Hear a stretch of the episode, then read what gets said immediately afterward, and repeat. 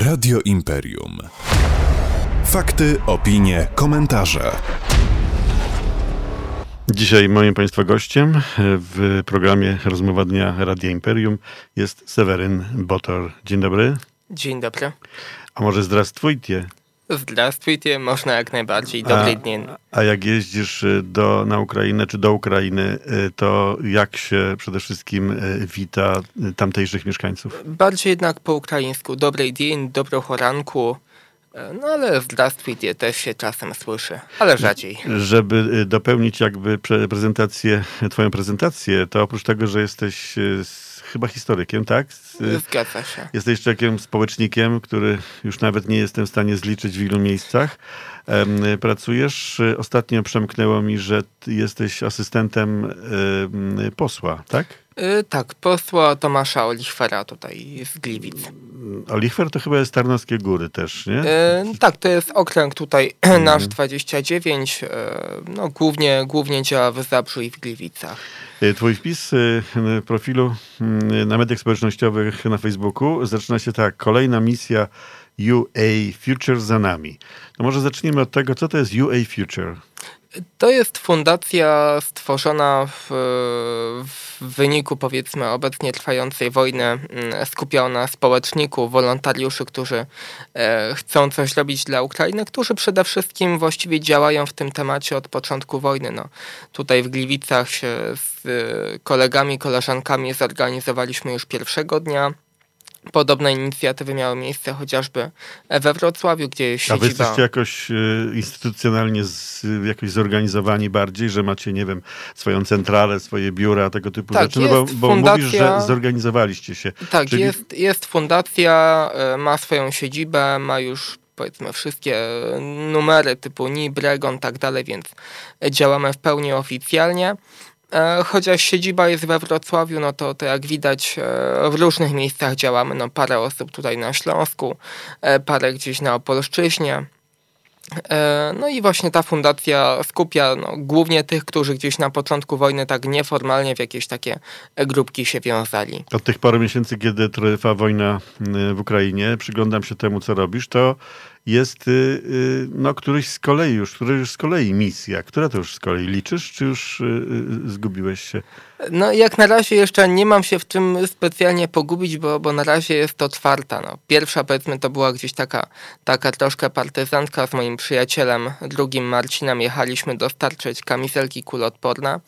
A gdzie jechaliście wtedy za pierwszym no, razem? Wówczas do obwodu lwowskiego. Myśmy tylko tam kawałeczek za granicę przejechali. E, tam już żołnierze na nas czekali, no a to był wujek i tata mojego przyjaciela jeszcze ze studiów. I rozumiem, że tak z każdą e, kolejną wyprawą e, coraz dalej, coraz głębiej e, w, w Ukrainę zanurzałeś się? Dokładnie. No teraz już te ostatnie misje są podobnej długości, to jest gdzieś tam koło tych 2,5 tysiąca kilometrów, tam troszkę ponad. Mm, natomiast no, dochodzą nowe punkty, które odwiedzamy, dochodzą jakieś kolejne, mm, kolejne artykuły, które wozimy. No, teraz na przykład były wózki inwalidzkie.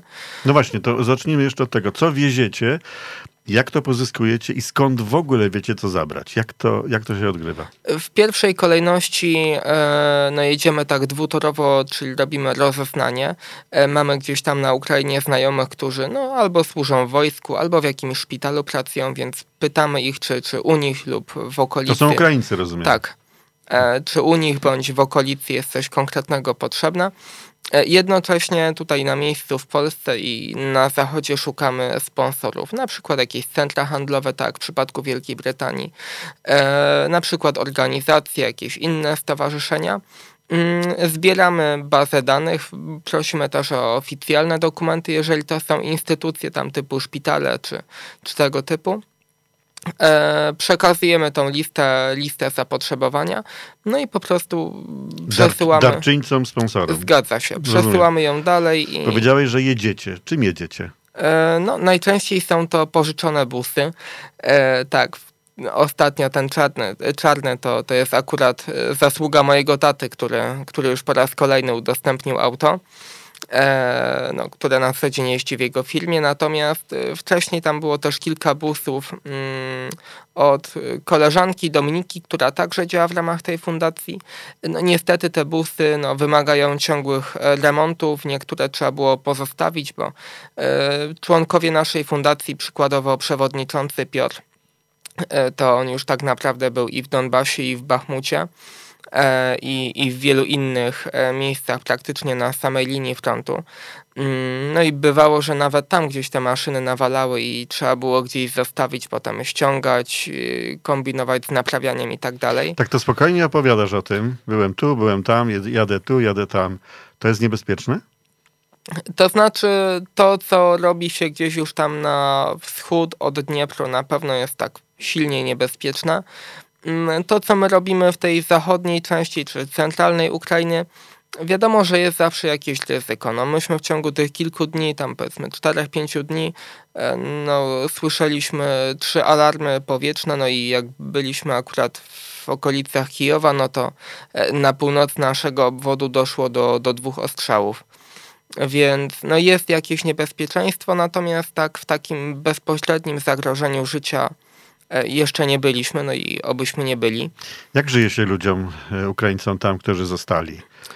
Jak ty to odbierasz? Ponieważ e, w Kijowie, z tego co wiem, to byłeś potraktowany wręcz jak członek rodziny. Tam was przyjęto bardzo gościnnie. Ale jak oni to odczuwają? No, szczerze mówiąc, jest, jest ciężko i to widać. Ale na czym polega ta ciężkość? ciężkość polega nawet z pozyskaniem niektórych produktów takich podstawowej potrzeby jakiegoś tam jedzenia, mąki i tego typu rzeczy, e, które zwyczajnie potwornie poszły cenowo do góry. Mm, te rzeczy są gdzieś dostępne w sklepach, natomiast nie każdego na to stać. No właśnie, skąd oni mają pieniądze w ogóle? Czy pracują faktycznie, tak jak pracowali? Y, moja znajoma na przykład właśnie ta Ludmiła, która nas tak przyjęła, przyjęła jak, jak rodzina, no myśmy ją Kijowie, wcześniej... Kijowie, tak? No pod Kijowem, mhm. w Wasylkowie, to jest tam odległość tam 40-50 kilometrów. Myśmy ją wcześniej tutaj przyjęli na, na początku wojny u siebie, jak, jak rodzina. No to ona pracuje w szpitalu, więc ma tam jakiś niewielki... Czyli rozumiem, że wróciła. Przyjechała tak, ona tutaj wróciła. I wróciła. Tak, ona tutaj przyjechała ze wnukiem i córką.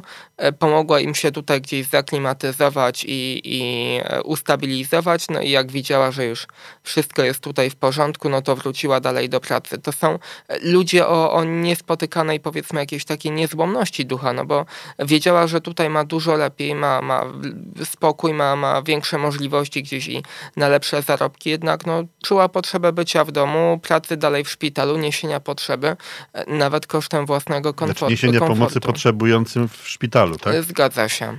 A czy to jest taki normalny szpital z normalnymi chorobami jak u nas, czy to jest bardziej taki przyfrontowy, wojskowy szpital? To jest taki jak u nas, bo jednak od nich do frontu jest troszkę wiadomo, że zawsze... Ale mówimy Kijów. Wydawało mi się, że Kijów to jest już dość blisko e, tych działań. Jednak nie. Mm, jednak nie. Jednak nie, bo to jest powiedzmy no, przynajmniej 200-300 kilometrów gdzieś Mm, za linią frontu, więc wiadomo, że trafiają ranni, ale to, to nigdy nie są, nie są te pierwsze rzuty. To nie jest taki szpital przyfrontowy. Mm, bywają właśnie gdzieś tutaj w tej okolicy Kijów, Winnica, czyli centralna Ukraina, no chociażby dzieci mm, niepełnosprawne. No mamy taki dom dziecka w Winnicy, którym gdzieś też się tam opiekujemy. No tam... właśnie, co wieźliście tym razem i co odwiedziliście i komu co e, ofiarowaliście? Y, dla, dla zaprzyjaźnionych żołnierzy wieźliśmy tam nieco e, medykamentów, sprzętu opatrunkowego, mm, no tam niewielkie ilości jakiegoś wyposażenia, tam typu jakieś kieszenie do mundurów, tego typu rzeczy, do kamizelek znaczy się.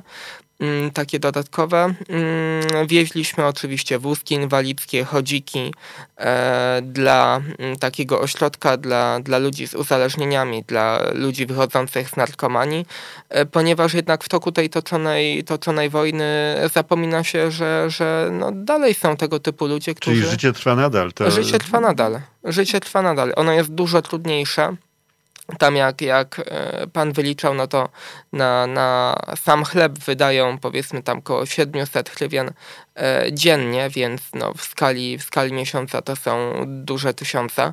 Mm. A ile to, ile to jest e, na nasze polskie? Mm, Takie tysiąc hrywien załóżmy. Tysiąc hrywien to jest jakieś powiedzmy 120-140 zł mhm. w tym przedziale. Czyli dziennie tak niecałe 100 zł. Dziennie tak niecałe 100 zł. Na, na wyłącznie chleb, bo u nich jest około 50 osób, 49 dokładniej. Mm, Jakie jeszcze miejsce, bo tutaj mówimy o szpitalu.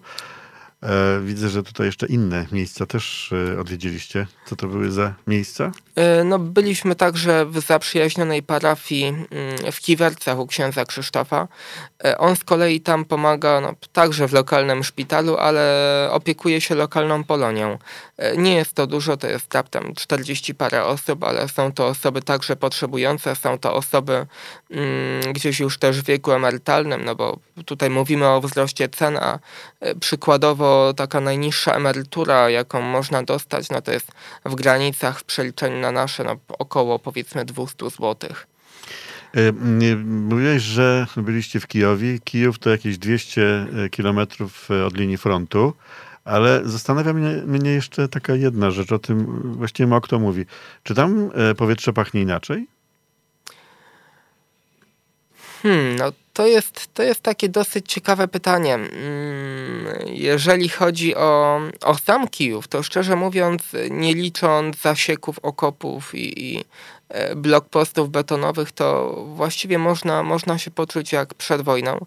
Natomiast jak chodzi o takie najbliższe obrzeża, te, które faktycznie były pod okupacją, które były bardzo silnie dotknięte e, przez Rosjan, no chociażby Borodianka, Makariw i te wszystkie miejscowości, no bardziej znane Irpień, Bucza chociażby. I tam by, też byliście, Tam też byliśmy. Tam rzeczywiście, no można powiedzieć, że powietrze, powietrze mm, ma zupełnie inny zapach, jednak czuć mimo wszystko Dużo tej grozy, dużo bólu, dużo cierpienia, mm, ale mimo wszystko czuć także taką pewną niezłomność tych Ukraińców. Budynek potrafi być na wpół wypalony, zniszczony, powybijane szyby, ale ludzie gdzieś dalej mimo wszystko starają się tam mieszkać i, i tą normalność przywracać. Co ci najbardziej zaimponowało w czasie tej akurat podróży e, tym razem?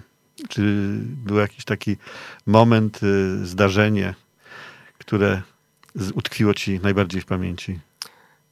Właściwie tak szczerze mówiąc, no, powoli, powoli te obrazy są wszystkie dosyć podobne z tych ostatnich misji, ale najbardziej chyba e, imponują mi, mi ci ludzie, bo no, sam się wielokrotnie zastanawiałem jadąc z Pawłem, czy, czy my bylibyśmy w stanie żyć w takich warunkach, mając świadomość tego, że możemy je zmienić, możemy wyjechać ze swojego domu mm, i mieć lepiej, no ale ciężko na to odpowiedzieć, ale widać, że, że ci ludzie no naprawdę y, szybkość swojej ziemi nie oddadzą. To była czwarta wyprawa e, do Ukrainy. Czy szykujecie już następną i co jest wam najbardziej potrzebne? Moja czwarta no, w fundacji to już będzie mniej więcej trzynasta. E, bo, bo trochę więcej osób jeździ. No, przede wszystkim dalej potrzeba mm, wyposażenia medycznego. Zbieramy także fundusze. E, mamy specjalną zrzutką utworzoną e, na kłada dla, dla żołnierzy, których wspieramy.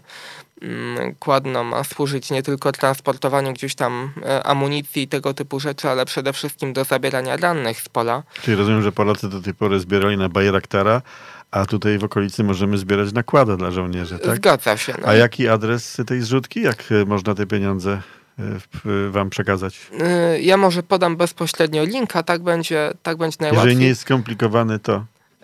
To jest, jeżeli dobrze pamiętam, kupmy...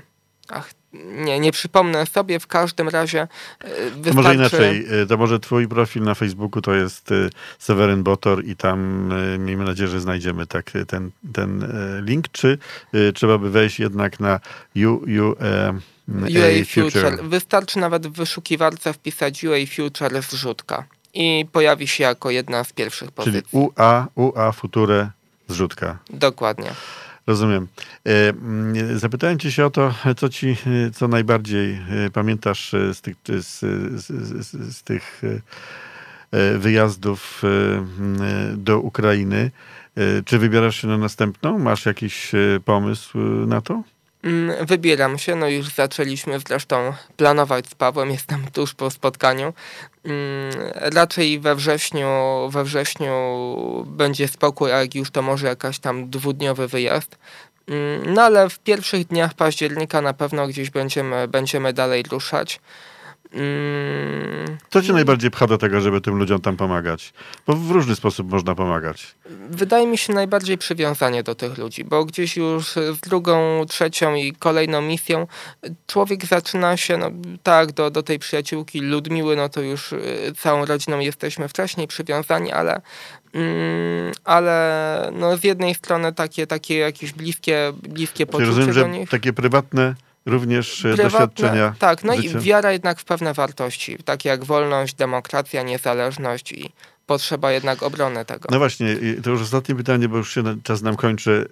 Y, Na początku słuchaliśmy piosenki Bayraktar.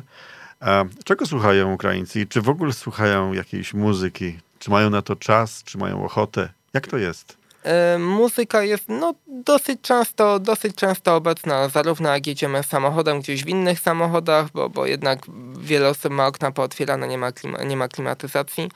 E, na targowiskach też się jak najbardziej radioodbiorniki zdarzają. Mm, No i muzyki najczęściej, jakie, jakie, jakie można spotkać, no to są właśnie jakieś podnoszące nieco na duchu, typu e, Bayraktar i, mm, i tym podobne. Dużo jest piosenek gdzieś takich bardziej militarnych, troszkę może i na modłę zachodnią gdzieś układane pod melodię, chociażby Bella Ciao. Mm, Dużo się pojawia współczesnych wersji e, piosenek takich typowo ludowych, chociażby Hej Sokoły, która, e, która jednak w jakiś sposób Polaków i Ukraińców łączy. Mm, Tak więc ta muzyka jak najbardziej jest obecna, no i podświadomie pewnie też dużo robi. Seweryn Botor, historyk, e, społecznik, e, człowiek, który e, no, w niezmordowany sposób e, stara się pomagać e, Ukraińcom, był moim Państwa gościem dzisiaj w rozmowie dnia. Dziękuję Ci bardzo i Dziękuję. e, czego się powinno życzyć e, takim jak Ty, pomagającym za granicą, pomagającym ludziom e, w czasie wojny? Może jeszcze większego zaangażowania tutaj ludzi na miejscu, bo jednak z tym jest kłopot. Im, im dłużej trwa ta wojna, tym więcej wolontariuszy nam jednak odpada i, i mniejsza jest chęć pomagania. Dziękuję Ci jeszcze raz bardzo. Do usłyszenia. Dziękuję. Radio Imperium. Fakty, opinie, komentarze.